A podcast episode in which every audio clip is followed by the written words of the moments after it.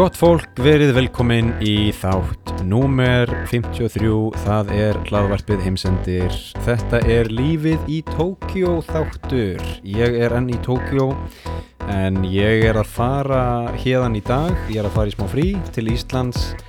Mín býður, veitum við, 30 klukkutíma ferðalag. En það er allt í lagi, ég, hérna, ég hef flóið lengur en það, mitt met er eh, 72 tímar takk fyrir. En uh, þetta er samt langt ferðalag og ég, hlakka til að koma til Íslands en ég hlakka ekki til að vera í flugvél uh, í uh, 13 klukkutíma pluss 3 og býða flugvelli í 10 klukkutíma. Það er svona smá smá meira vandamál sko. Um, ég ætla að tala í dag um nokkur mál sko, stóra, stóra málið málmálana, stóra þemað er ænu. Hvað er nú það? Jú, það eru frumbyggjar uh, Japans, frumbyggjar Hokkaido eigu sem er nyrsta eigan í Japan. Ég var þar í skiptinámi fyrir tíu árum og ég heyrði um ænu á þeim tíma en, en það var ekkert mikið meir en það. Ég heyrði bara rétt aðeins minnst á þau en fekk ekki að læra mikið meira um það í mentaskólanum sem ég var, þar sem ég var. Þannig ég ætla að tala um ænu og kynna ykkur fyrir uh, þeim. Síðan langar mig að taka fyrir smá uh, japansku kennslu, katakana vikunar. Uh, Býðið þið spennt eftir því. Svo verður hljóð vikunar líka og uh, margt fleira í bóði. Þannig að hérna, við bara spennum beltinn og kerum þetta í gang. Um, bara rétt aðeins svona smá umgangur ég er eins og ég sagði hér uh, enn í Japan, ég er í Tókjó núna. Það er mjög heitt. Það er fáránlega heitt hér.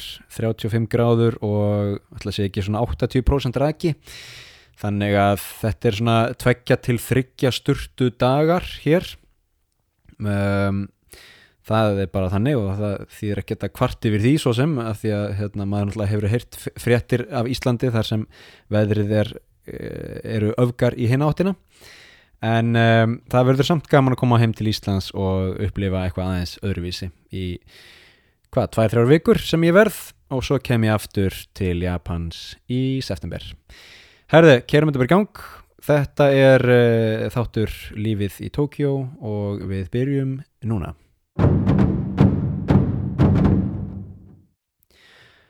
Jæja, um, æginu, hvað er nú það? Æginu eru eins og ég sagði áður frumbyggjar Japans, frumbyggjar Hokkaido. Frumbyggjar Japans er um, skilst mér op, opinbera skilgreiningin um, en, en það ásamt held ég ekki við um allt Japan. Það er að segja æginu eru frumbyggja hópur sem, uh, til, sem hvað segir maður, uh, var mest, mest í kringum svo kallað Okotsk haf sem liggur milli Kamchatka skaga í Rúslandi Kúril eða Kíril eiga um, sem tilheyra nú Rúslandi en, en bæði Japan og, og Rúsland um, gerir tilkall til þeirra, þetta er svona eitt stort eitt stort, uh, hvað segir maður, mál, eitt stort deilu efni milli Japana og Rússa. Það eru Kúril eða Kíril eigar svo er það Sakhalín og Hokkaido. Hokkaido er náttúrulega nyrsta eiga Japans. Hún er tilturlega stór 80% af Íslandi eða svo. Náttúru fegurð, náttúru perla þetta er svona einhver liti eins og Alaska Japans. Það eru skóarbyrnir, það eru skógar það eru vötn og eldfjöll og, og ár og lags, gengar ár og refir og úlvar, snákar og, og moskítoflugur og bara alls konar veistla í gangi þar. Um, nú til dags eru til um 13.000 æinu. Þetta er ekki alveg rétt. Um, þetta er einhver tala sem ég fann og, og um, önnur tala sem ég fann var 24.000 æinu. Um, það er voða erfitt að segja til um hversu mikið af fólki er af æinu uppruna af því að uh, því miður þá fara sko, þá, þá fela mörg þeirra uppruna sinn uh, af því að æginu fólkið uh, var uh, ég bara var, hvað segir maður varð fyrir miklum fordómum og, og, og var ekki tekið inn í Japans samfélag uh, eins og uh, aðrir Japanir eða, eða kannski ekki aðrir Japanir en aðrir íbúar Japans.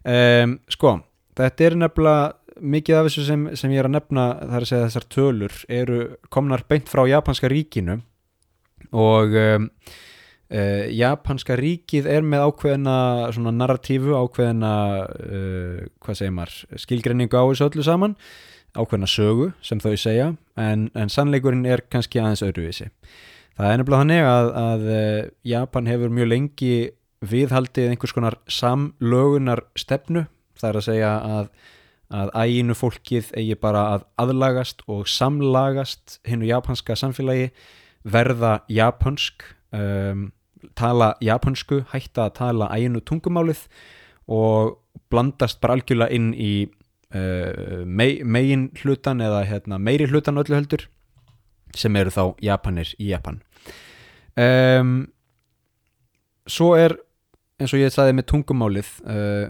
sko tungumálið ég þekki þetta ekki, ekki rosalega vel en tungumálið er skilst mér bara talmál það er ekki skrifmál tungumálið er ekki skrifa, það er bara talað sem, sem gera það mjög erfitt fyrir æginu fólkið að viðhalda því og varðveita það. Uh, það er búið að skrifa upp tungumálið á japansku en uh, það er eins og ég segi skilst mér ekkert skrifmál fyrir æginu tungumálið sjálft.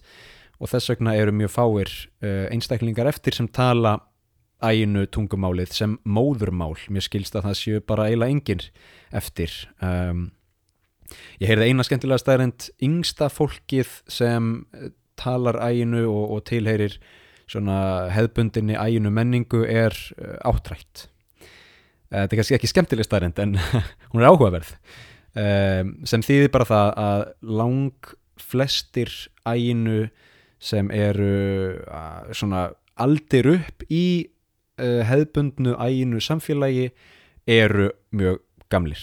Uh, þar að segja unga fólkið af æginu uppruna er komið inn í japansk samfélag búið að aðlagast eða samlagast öllu heldur hvort sem þeim líka eða betur eða verð það er nefnilega svolítið hérna, merkilegu punktur í þessu öllu saman sko Uh, eins og ég segi þá hefur japanska ríkið ekki unnið nógu gott starf til að varðveita æginu tungumál og menningu uh, þvert á móti barðist ríkið fyrir því að æginu fólk talaði japansku í stað æginu tungumálsins og setti bann við menningar og trúar viðburðum í um hundrað ár uh, þetta gerðist einhver tíman á 19. öld og um, byrjaði aðeins að skána árið 1970 mér, mér hérna, minnir, mig minnir uh, að þetta bann við trúar viðbörðum og menningar viðbörðum og, og því að viðhalda tungumálunu hafi verið sett einhvern tíman í kringum 1880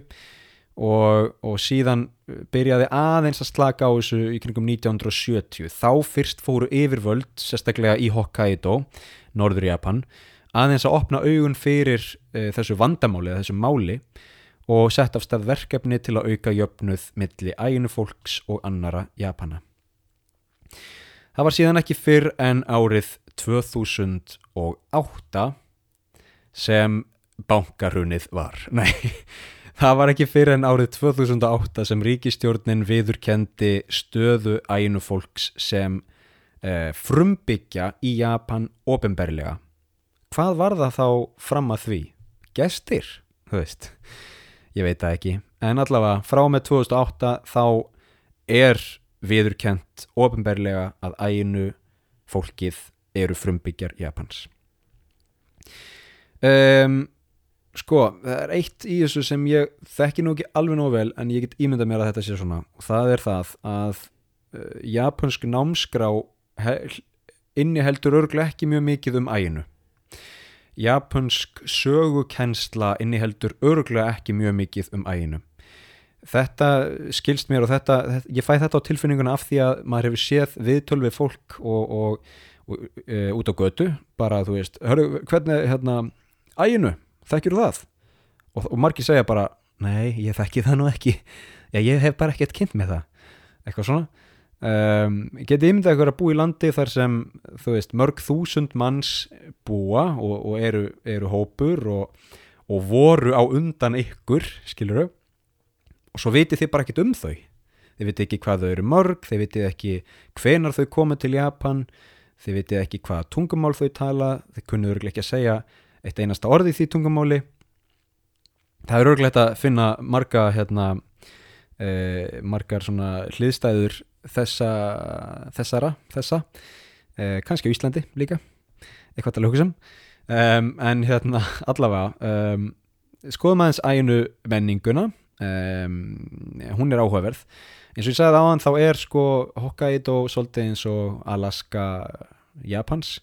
Líka bara af því að um, það, svona, það tengist ekkit Alaska þannig en þetta er, þetta er ekki þetta er ekki hinum hennan hettinum Alaska og Hokkaido er svona tiltöla nálagt landfræðilega og þa þar á milli er einmitt Okotsk hafið og Kamchatka uh, Kuril, Kiril eigjar og um, norður, nei hérna norðaustur Rúsland og þetta er þetta er svona þetta er svolítið skemmtilegt landsvæði þetta er svolítið skemmtilegt uh, landslag og, og, og hérna, landafræði af því að þetta er þetta eru hlýsumur og mjög kaldir vetrar. Vetur, vetrar. Uh, um, Æinu samfélagið var að vissuleiti samfélag veiðimanna og sapnara hefðbundin matur inniheldur lags, refa og kanínukjött byrni, dádýr og rótargrænmeti. Karlmenn sapna hári og skeggi og hvennmenn láta tattu vera sig í kringum munnin. Ok, ef þið hafið lausastund þá skulið þið googla æinu skrifað A-I-N-U af því að þetta er áhugavert lúk um, Karlmenn eru með mikið hár og mikið skegg. Um, konur eru með hérna, tattu í kringum munnin svona eins og, eins og það sé sko búið að tattu vera brós á þær þetta er vist hefð og, og hérna finnst mér mjög áhugavert. Ég eins og ég sagði, ég hef búið í Hokkaido. Ég bjóð í Hokkaido í eitt ár. Ég heyrði aldrei minnst á æginu uh, ekki nema þá bara já, svo er hérna til fólk sem heitir æginu þú veist, það var ekkit meirinn það. Ég hef aldrei hitt mannesku sem var æginu og ég hef aldrei séð svona hérna gauðra með langt skegg og, og hár og konur með uh, tattu í kringum munnin um, ég held að þetta sé að því að en þann dag í dag þá eru hérna, já, það eru ákveðni fordómar og það eru um, öruglega sko já það er bara fáfræði líka það er bara fáfræði. Ef að, ef að japansk fólk og fólk sem býr í Hokkaido og, og er af japanskum uppruna um, veit ekkert um æinu og, og, og veit kannski bara svona japansku hliðina á öllu þessu þá get ég alveg mynda mér að margir æinu uh, vilji bara fela uppruna sinn og vera ekkert mikið að tala tungumáli vera ekkert mikið að viðhalda menningunni og, og uh, trúar viðbörðum sem er miður, mjög leðilegt en á síðustu árum hefur samt uh, æinu fólk og önnur samtök barist fyrir varðveistlu á æinu tungumálinu og menningunni mikið, sko ég held að stærstu samtökin af æginu fólki sem er að reyna að varðveita menninguna sína séu í Hokkaido. Þar eru lang flestir æginu. Um, en það eru held ég um 2000 2-3.000 manns í Tókjó líka og á fleiri stöðum á Honshu sem er stærsta eiga Japans. Um, og eflaust einhverjir í Sakhalin og, og Kiril líka en það er náttúrulega Rúsland var Japan, var svo Rúsland aftur, var svo Japan aftur, þið veitir, þetta eru svona eh, land, landvinningadeilur, nei ekki landvinninga, þetta eru svona, þetta eru svona hérna pólitískar deilur eh, fyrir norðan Hokkaido í Okotsk hafi. Áhugavert svæði, ángreins, um, höfin í kringum uh, Hokkaido, í kringum Japan, í kringum Kína og Tæwan og svo söður Kínahaf, ég hvet alla til að kynna sér þessi höf og deilur og pólitíkina og geopólitíkina í kringum þessi höf að því að hún er mjög áhugaverð. Um, og, og viðegandi og, og hérna eins og ég talaði um í síðasta lífið í Tókíu þætti það sem ég tók fyrir Kína og Tæwan þá skiptir þetta okkur allt máli. Allavega æginu um, ég finn það bara hjá sjálfum mér ég þarf að kynna mér þetta betur. Ég þarf að, að hérna, reyna að hitta einhvern af æginu uppruna og, og spjalla við þau beint. Af því að eins og ég segi, ég hef búið í Hokkaido í eitt ár, ég hef aldrei hitt þau ég hef aldrei séð þau og ég veit voða lítið um þau. Um, þetta minnir mig einhverju leiti á eða minnir mig, þetta svona vekur upp smá tilugsun um Ísland og Grænland. Um, ég held alveg örglega að Grænland sé það land sem er hvað næst Íslandi landfræðilega. Um, Ísland og Grænland deila stórum hluta sögu og um, samt hef ég held ég aldrei hitt fólk frá Grænlandi skilur þau, þú veist. Það er alveg ótrúlegt að, að það sé ekki meira uh, meiri hérna samskipti og, og menningar og, og menningartengsl milli landana við förum bara til Köpen við förum bara til Köpen og djömmum og förum í tífóli ekki draugl, það fer enginn til Grænlands skilur þau Uh, hafandi sagt þetta þá hef ég ekki farið sjálfur til Grænlands þannig að hérna, ég er kannski hræsnar í hvað það var þar en mig langar að fara til Grænlands og ég væri alveg til að reyna að uh, kynna mér uh, menningu fólksins sem er nær okkur á Íslandi heldur en til dæmis Danmörk. Þó það sé náttúrulega gaman í, í Danmörku sko, don't get me wrong. Nei nei, þetta er svona bara smá hliðstæða um, eins og með Japan og japanst fólk annars vegar og svo Hokkaido og Ainu fólk hins vegar.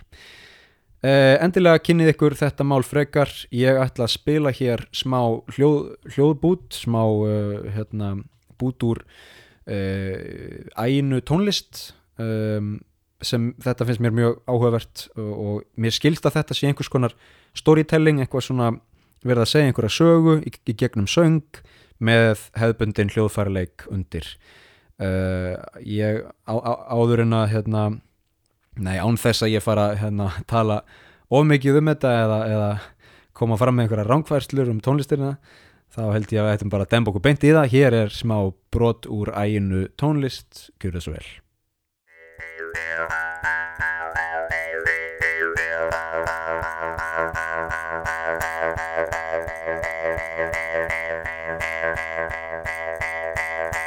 カラカラカムイシリカワカムイランコとマリソ。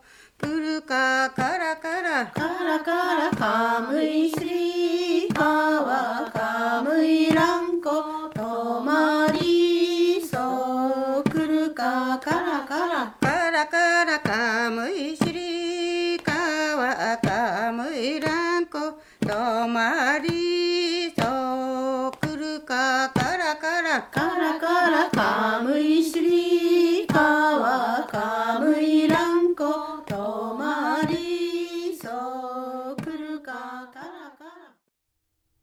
Jæja, frábært, þetta var uh, fallegt og gott æginu í Japan. Um, nú skulum við demba okkur í fastan lið, þetta er katakana vikunar. Þetta er ekki beint katakana, jú, en samt ekki. Þetta er kannski frekar japansku hornið. Uh, við ætlum að fjalla um orð sem herma eftir hljóði. Sko, uh, það er til orð yfir þetta.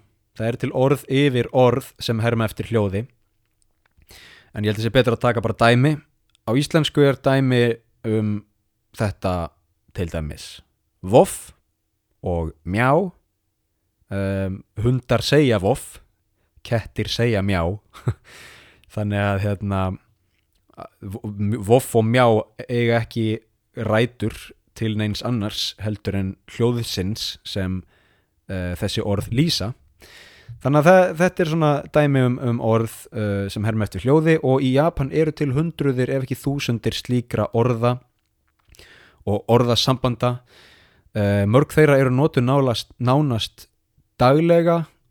Um, þetta er svona hlutur ef að fólk ætlar að læra japansku þá verði þið að læra þetta líka.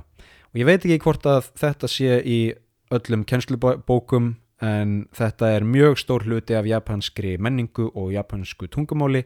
Þannig ég mæli með að, að, að læra þetta vel. Herri, byrjum á, á hérna, því að taka dæmi um, um hliðstæður uh, hund, hunda og kattahljóða. Og íslensku er þetta náttúrulega voff fyrir hundin en uh, í Japan er það one, one síðan á íslensku er, er mjá fyrir köttin en á, í, í, í Japan er það njá, njá. Þetta er alveg gott sko. Um, annað er hérna gabu gabu. Uh, gabu gabu. Og eitt sem ég ætla að benda góðum hlustundum á. Um, ég, ætla, ég ætla að leifa ykkur að giska á hvað þetta þýðir. Ég er sérst að fara að segja alls konar orð á japansku og það getur giskað þetta hlýtur að þýða þetta. Það er mjög gaman að gíska á þetta af því að stundum nær maður þessu sirka rétt af því að stundum eru orðin spot on uh, mjög lík hljóðinu eða, eða svona lík, bara lík því sem er verið að lýsa. Tökum dæmi hérna. Gabu gabu. Gabu gabu. Þetta er svona að tjögga drikk þetta er svona að, að hérna, henda í sig einum drikk mjög hratt. Getur verið hvað sem er, getur verið vasklas Gobo gobo. Gobo gobo Þetta er stríður vaströymur mikið flæmi, flæði um, þetta er svona hérna, beljandi fljót. Gobo gobo. Hörðu, síðan er eitt mjög gott hérna. Gatang gatong. Gatang gatong. Gatang gatong Gatang gatong gat... Þetta er lest á teinum gott fólk. Gatangatong, gatangatong Lest á teinum, mjög gott Katakata Katakata, katakata Þetta er að skrifa á tölvu.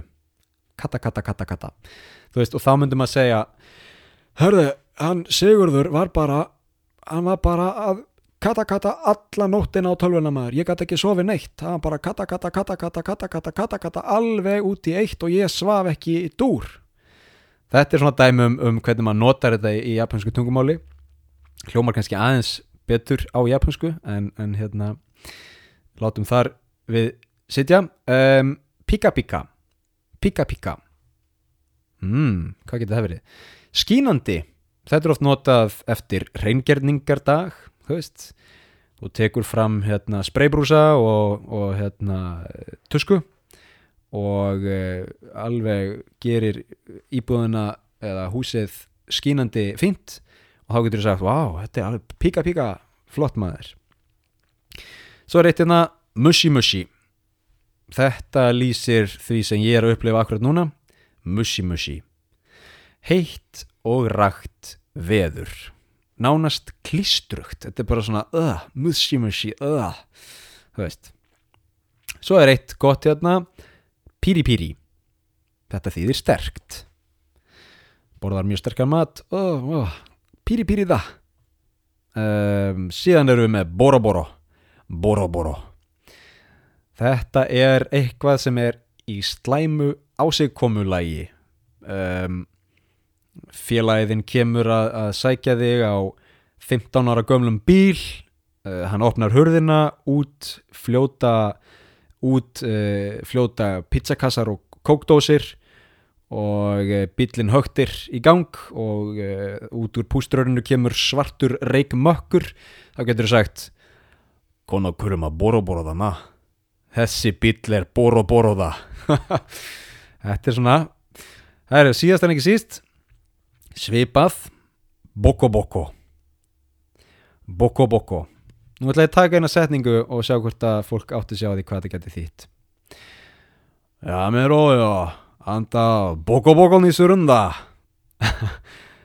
þetta þýðir, uh, þetta þýðir sko fullur af hólum eins og svisneskur ostur. En þetta, einn setningin sem ég sagði var sko, hættu þessu rugli eða ég lemði í klessu. boko boko, þetta er svona að vera barinn alveg í döðlur sem er nú ekki fallegt en þetta er svolítið skemmtilegt orð einhvað síður, boko boko Hörru, þetta var katakana vikunar japansku hornið nú skulum við taka fyrir nokkra punkta nokkur atriði sem, sem eh, ég hef upplifað og tekið eftir á síðustu dögum hér í Japan.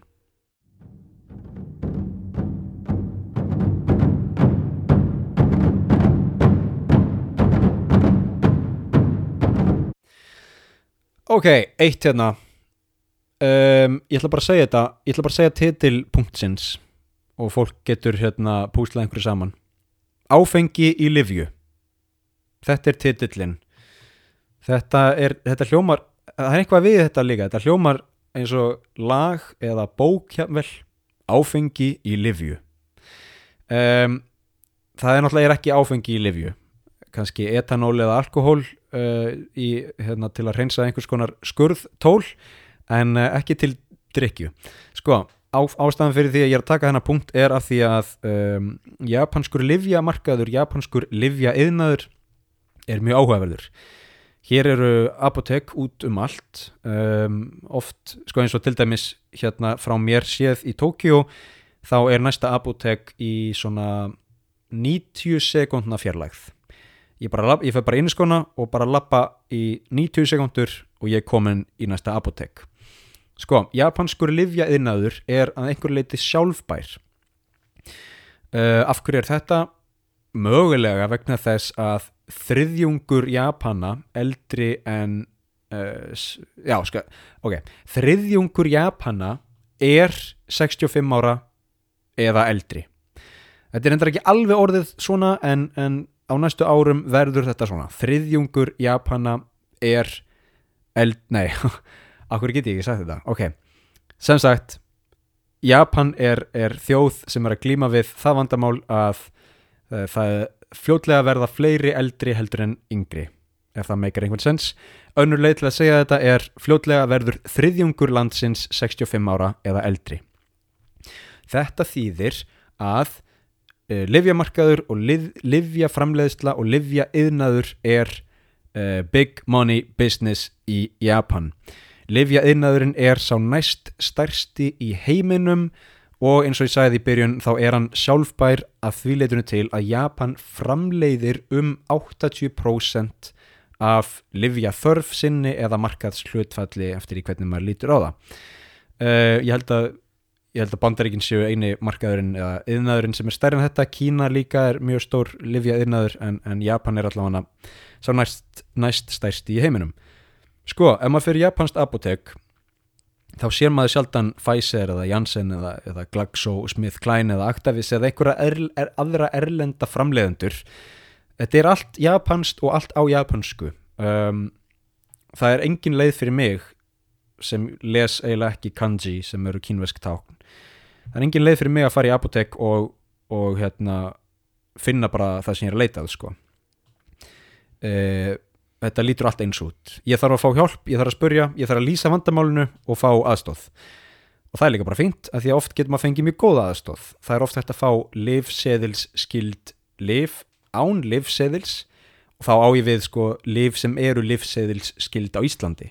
Þó eru náttúrulega ekki livseðils skild hérna, annars getur maður ekki fengið þau án livseðils, þið vitið.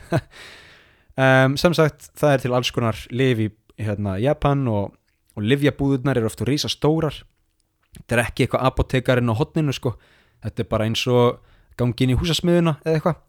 Síðan er hægt að kaupa bjór. Og áfengi. Byttu nú við. Hvað meinaru? Já, það er áfengi selt í japanskum apotekum og þetta er ekki áfengi til að hérna, sterilisera uh, skurðtól ef maður ætlar að framkvæma uh, skurðaðgerð heima. Nei, þetta er áfengi, þetta er bara til að drekka. Það er bara að vera að selja bjór og, og vín og, og sake og, og viski í, hérna, í livju skilur þetta finnst mér áhugavert. Ég held að þetta sé nú svipað í bandaríkjanum er það ekki alltaf, go to the drugstore eitthvað svona. Um, en komandi frá Íslandi þá finnst mér þetta áhugavert. Uh, ég, þú veist hvað ætlar að kaupa eða þú veist hvað kaupir maður liv og áfengi á sama tíma það er einhvern veginn svolítið skrítin blanda. Um, en þetta er svona. Herri, taland um áfengi þá var Japan hérna, þá var einn deild innan japanska ríkisins aðeins að uh, gera smá skissu um daginn. Um, af einhverjum ástæðum þá vill japanska ríkistjórnin að ungt fólk í Japan drekki meira áfengi. Þetta er smá sérstætt sko við kenna það. Um, mér finnst þetta svo margir, uh, sest, margir hlutar heimsins séu að færast í öfu átt sem væri kannski eðlilega en uh, í Japan þá hérna, er allavega armur innan ríkistjórnarinnar sem vill að ungt fólk drekki meira. Ástæðan fyrir þessu meikar alveg sens að það er að segja ríkið vill búa til meiri skatttekjur og um, ein leið til að gera það er, að, er að, er að uh, selja meira áfengi eða að fá meiri skatt frá sölu áfengis. Og uh, ungt fólk er oft í því að drekka mjög mikið áfengi þannig að veist, þetta, þetta meikar ekonomist sens hagfræðilega. En, en svona siðfræðilega og út frá hérna svona, hvað segir maður hvernig, hvernig samfélagið, hvernig almenningur lítur á aðgerðir ríkistjórnarinnar og maður þetta engar sens. Þetta er ekki til þess fallið að vekja upp miklar vinsældir geti ímynda mér. En það hefur þetta hérna, snúist gegn þeim að einhverju leiti og fólk á samfélagsmiðlum og, og netinu og, og alls konar, bara alls konar fólki í japansku samfélagi hefur sett sér upp á móti þessu, finnst þetta fáranlegt uh, okkur er verið að hvetja ungt fólk sem vill notabeinu, ekki drekka? Okkur er verið að hvetja það til að drekka? Um, uh, sérstakt eins og ég segi, skildi ekki alveg svolítið lélegt hérna slagorð hjá þeim. Sake Viva. Sake, japansk trísgrónavín Viva. Mm, spænska, ítalska samt skil ekki alveg.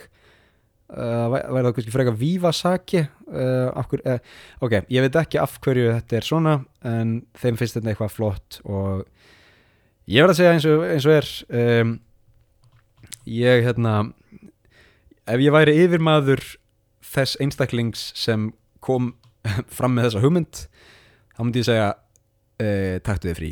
Taktu tvær vikur, komdu aftur. Uh, farðu til Okinawa og slakað á, ströndinni syndaðins í sjónum og uh, stundaði jóka og kóttu svo aftur. Það er það sem ég myndi segja. Herre, ok, förum í annan fastan dagskrár lið hljóð vikunar japansk lestarstöð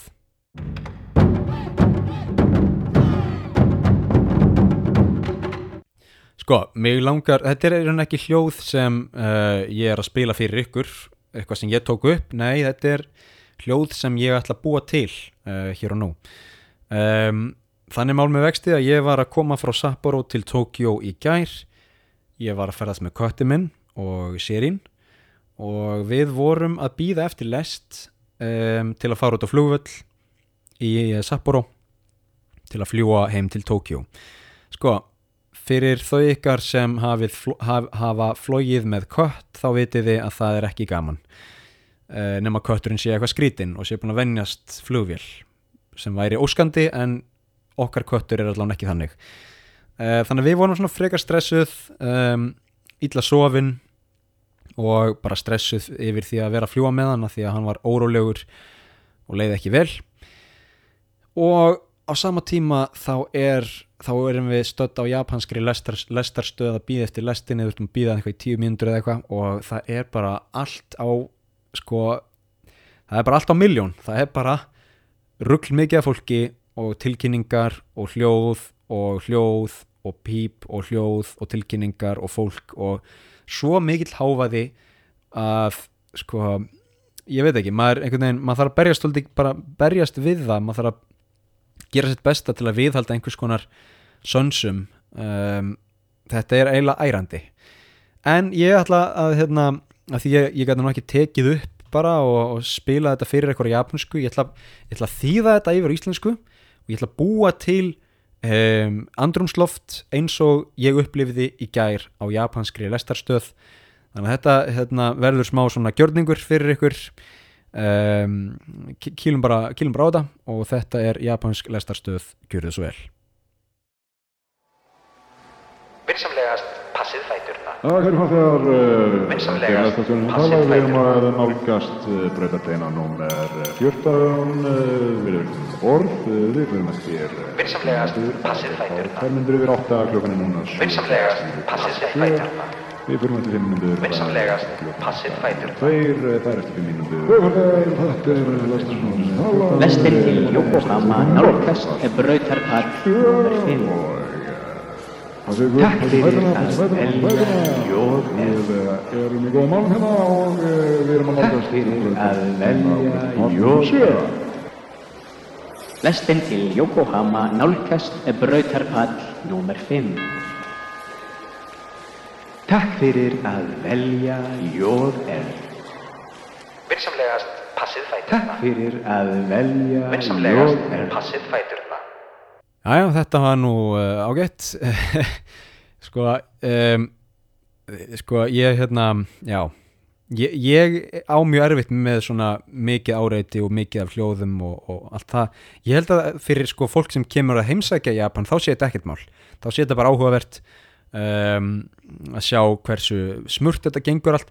Og ég sko ég skal alveg vera heiðarlegur með það að ég hérna ég, ég skil af hverju þetta er svona. Ég skil af hverju það eru tilkynningar á japansku og svo ensku. Ég skil af hverju það er verið að segja fólki að passa sig á, á, á brautarteinunum og, og allt það. Og sko sumir náttúrulega sjá ekki og þá, þá er mikilvægt að hafa um, hvað segir maður uh, tilkynningar í hátalarkerfinu ég skil þetta allt stundum er þetta bara smá mikið. Stundum er þetta bara aðeins og mikið áreiti fyrir mig. En látum þar uh, staðar numið af því uh, nokkri punktar í viðbót og svo segjum við þetta gott. Sko ég, ég er farin að fara svolítið mikið í, í hérna bað og, og eða baðhús og, og sánu og svona. Fór í sánu um daginn uh, með litla bróða mínum í Japan. Já, ég á japanska fjölskyldu. Fóstur fjölskyldan mín frá því árið 2011-12 þegar ég var skiptinum í Japan. Ég held enn góðu sambandi við þau og litli bróður minn í, í þeirri fjölskyldu er að detta í tvítögt hann uh, vildi bjóða mér í sánuna og ég þáði það vissulega. Uh, við vorum enda með veðmál við spilum golf og sá sem myndi tapa myndi bjóða hinum í sánuna. Og þetta vann ég það er bara hannig en uh, hann sem sagt bauði mér í sánuna og ég tók eftir einu áhugaverðu sko, í Japan er uh, eru sánur bara fínar, góðar, fallegar og úr við og eitthvað svona, stórar og miklar og heitar. Svo sjónvarp í sánunni. Um, þetta finnst mér áhugavert. Þetta, spil, þetta er svona kannski ekki alveg stemmingin sem íslenskt sánufólk er að leita eftir að vera í sánunni og það er verið að það eru svona breaking news veist, það er verið að koma með eitthvað fréttir í gennum sjónvarp í sánunni. Ég veit ekki hverju þetta er svona. Kannski finnst fólki svona ógæstlega leðilegt í sánunni að það þarf að vera sjónvarp um, þú veist, eða, eða þá að þetta sé hérna, ef að vera skildi að hérna, að kemi jarðskjólti eða flóðbylgja þá er gott að hafa sjónvarp í sánunni til að láta fólk vita. Ég veit ekki um, kannski blanda, blanda af báðu. Uh, ég horfði á sjónvarpið. Ég er bara, við vorum í sánunni í 20 mínútur uh, samtals í þremur þremur uh, lótum og ég horfði bara á sjónvarpið eins og allir aðrir. Sko það er, það er líka skemmtilegt við Japan að hérna að, þú veist, when in Rome when in Japan, það bara do as the Japanese do. Það, er, það er svona skemmtilegra. Um, mér finnst oft mjög gaman að vera eini hvíti gaurin í sánunni en vera samt að haga mér eins og japanskur hérna, eldri maður kannski. Vera með litla hangklæðið á hausnum og vera að horfa á fréttinnar og segja kannski Sólanda eitthvað svona. Bara when in, when in Japan. Um, svo fór ég reyndar í eitt skemmtilegt líka í baðhúsi. Rafbað hmm, hvað er nú það? Um, sko þa þetta er vist eitthvað japanskt þing þetta gæti verið á fleiri stöðum en þetta allan var í japansku baðhúsi. Rafbað er, er hérna bað heitt bað um, með tveimur rafskautum sikkur megin sem sendir tiltölulega veikan rafströym í gegnum vatnið. Um, hljómar hættulega við genið það sko ég líka þurfti að átta mig á þessu hvað segir maður um, ég fór lengri leiðina. Ég fór onni í bað mjög næs, mjög næs, gekk út í hotn settist niður og stökk upp úr af því að ég vissi ekki að þetta væri til og ég bara fann rafströym í vatninu. Og eh, sko þetta er, þetta er mjög sko sumum finnst þetta mjög vond, sumum finnst þetta mjög gott þetta er mjög áhugavert. Uh, ég hérna myndi mæla með að prófa þetta en en, en þetta getur líka verið uh, ekki fyrir alla. Sko, þetta, vir, þetta bara einhvern veginn rafströmmurinn hefur áhrif á vöðvana. Það er eins og hérna maður, maður, maður herpist allur saman og, og fær jafnvel krampa. Um, og þú átt erfitt með að beita vöðvunum af því að þú veist, af því að hei, eða miðtókakerfi þitt er líka að reyna að senda rafst, rafströym, reyna að senda skilaboð til vöðvana, heyrðu, be, beigðu hérna, þumalinn í þessa átt en svo er ströymur í vatninu að segja bara beigðu þumalinn í hinn áttina. Þannig að það, þetta er voða skrítið, þetta er eins og maður hafi ekki almennilega stjórn á vöðvunum. Um, þetta á að vera eitthvað þeng, þetta á að hjálpa hérna, með einhverja kvilla og ymsli og eitthvað svona og ég veit ekki kannski, kannski, kannski ekki en þetta var allan áhugavert og ég veit ekki hvort ég prófi þetta eitthvað mikið aftur. Um, þetta á ekki að vera eitthvað rosalega gott fyrir hérna fyrir um, Karlkins kynfærin en en uh, það er nú annar mál. Um, sko sem sagt sjónvarp í sánunni og rafbað. Gott stöf, gott stöf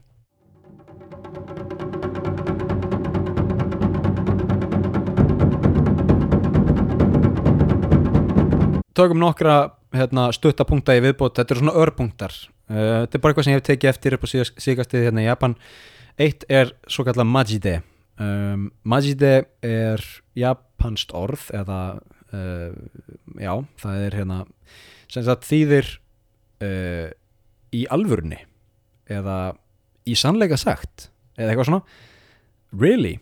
Þetta er hérna mikið notað í Japan nema þetta er ekki alveg notað eins og þetta væri notað á Ísland, Íslandi eða íslensku. Uh, Majide er notað miklu meira eins og bara já, eða þú veist það sem ég er að reyna að segja er að þegar ég er að tala japansku og ég segi eitthvað já, ég er að fara hérna í bathús klukkan 5 þá segir fólk í alvörunni? Og ég tek það mjög ég tek uh, þessu öllu mjög beinlínis um, ég, ég segi bara já, í alvörunni af hverju trúur mér ekki?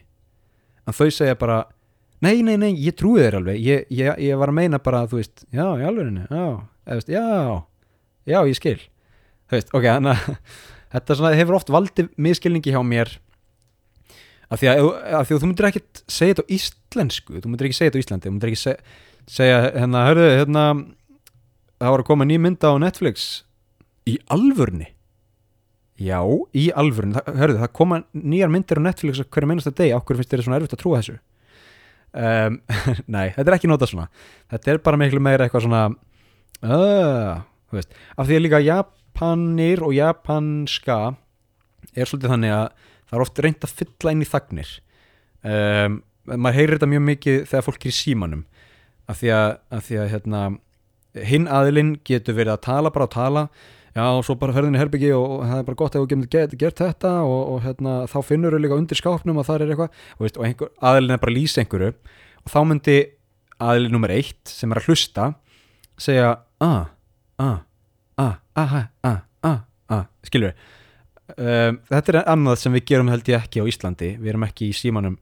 Já, já, já, já, já, já. Allavega ekki allir. Um, enn og eftir, þetta er svona þetta er dæmi um, menningarmun milli Íslands og Japans. Hann er ekkert öskrandi hann er ekkert stórkostlegur, hann er ekkert brjálaður. En það eru svona litlir hlutir, lítil atriði sem geta valdið smá friksjón og tensjón og allt það. En það er bara mikilvægt að skilja að þetta er öðruvísi eh, þetta er ekkert rétt eða ránt þetta er bara öðruvísi. Ég ætla að hætta að segja já, í alvörunni, ég er hérna, að meina þetta, okkur trúur ekki því sem ég segi? Ég ætla að hætta að segja það og fara að segja bara já, þetta er bara svona uh, þannig að þetta var Majide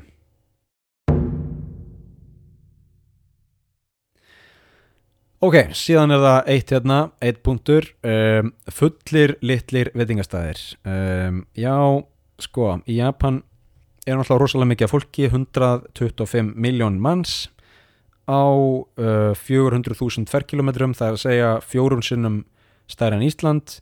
Þannig að við erum að tala um fjögur Ísland, Ísland er 350.000 manns cirka, þannig að fjögur Ísland væri þá hvað 1,4 miljónir þannig að það er þá hundrað sinnum þjættbíla í Japan heldur en á Íslandi.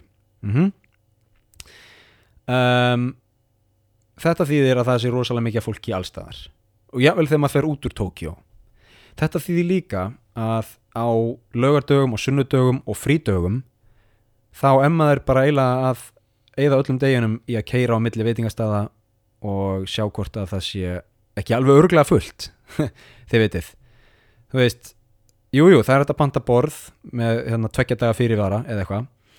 En ég veit ekki, ég held að þetta sé eitthvað sport sko, þetta er einhver stemming hjá Japunum að fara bara út keira og sjá hvort að þú náir sæti, náir borði. Þú veist, þetta er eitthvað svona, þetta er eitthvað sport um, að mæta ákveðnum tíma og sjá hvort þú náir ekki að negla eitt borð hérna.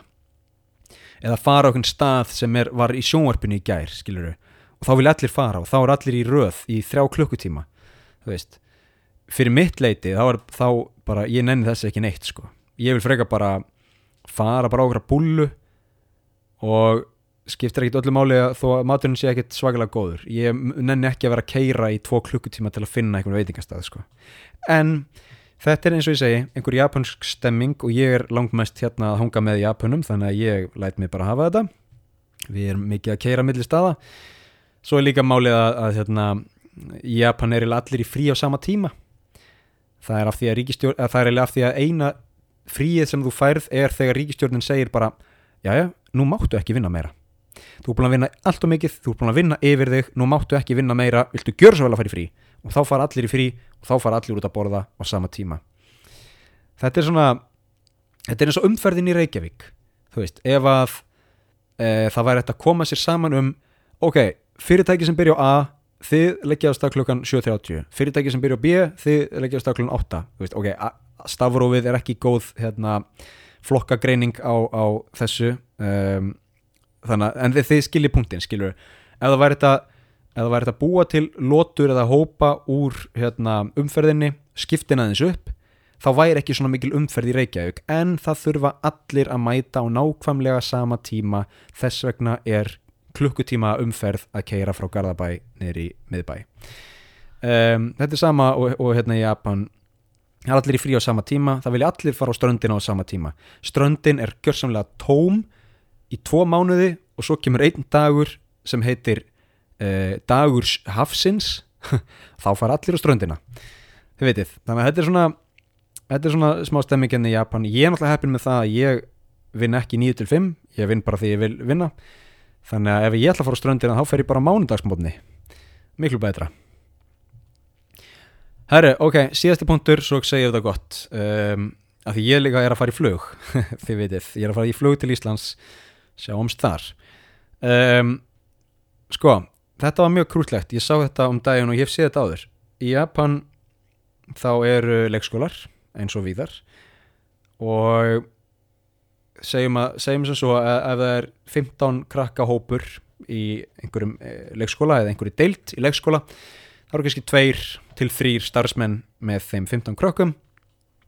Stundum lappaðu í halarófum í lit skrúðugum uh, göllum um, og hérna stoppa bílaumferð og hleypa krökkunum yfir og eitthvað svona, þið vitið, eins og Íslandi. Nema hvað stundum þá er krökkunum þá eru krakkarnir þá er krökkunum keirt þá eru krakkarnir keirðir um í risastóri kerru þar sem þau standa. Þetta er svona djúb kerra með stórum hjólum. Allum sé ekki svona 2 metrar á lengt kannski 1,3 metrar á breytt og 1,2 metrar á hæð eða eitthvað. Krakkarnir standa onni í kerrunni. Hún er kannski aðeins lægri ef þetta er leikskóla börn en þið vitið. Og svo er bara, eru tveir starfsmenn að keira kerru með tíu börnum standandi. Þetta finnst mér áhugavert. Þetta er svona, ég, þetta er eins og karfa þetta er eins og sko þetta er eins og hérna svona karfa undir loftbelg nema á hjólum full af krökkum í litskrúðugum búningum af því að þau eru japansk leikskóla börn sko, ja, þetta er bara, veist ég ætla að sjá hvort ég geti fundið mynd af þessu.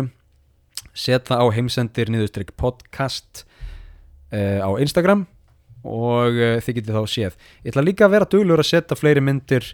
Kannski getið fundið mynd af, af sjónvarpi í sánunni. Mm, ólíklega, það er allir allsbyrjir uh, kannski getið fundið hérna uh, já, einhverjum svona myndir og einhver myndbönd og eitthvað til aðeins svona styðja við þessa frásögn hjá, hjá mér.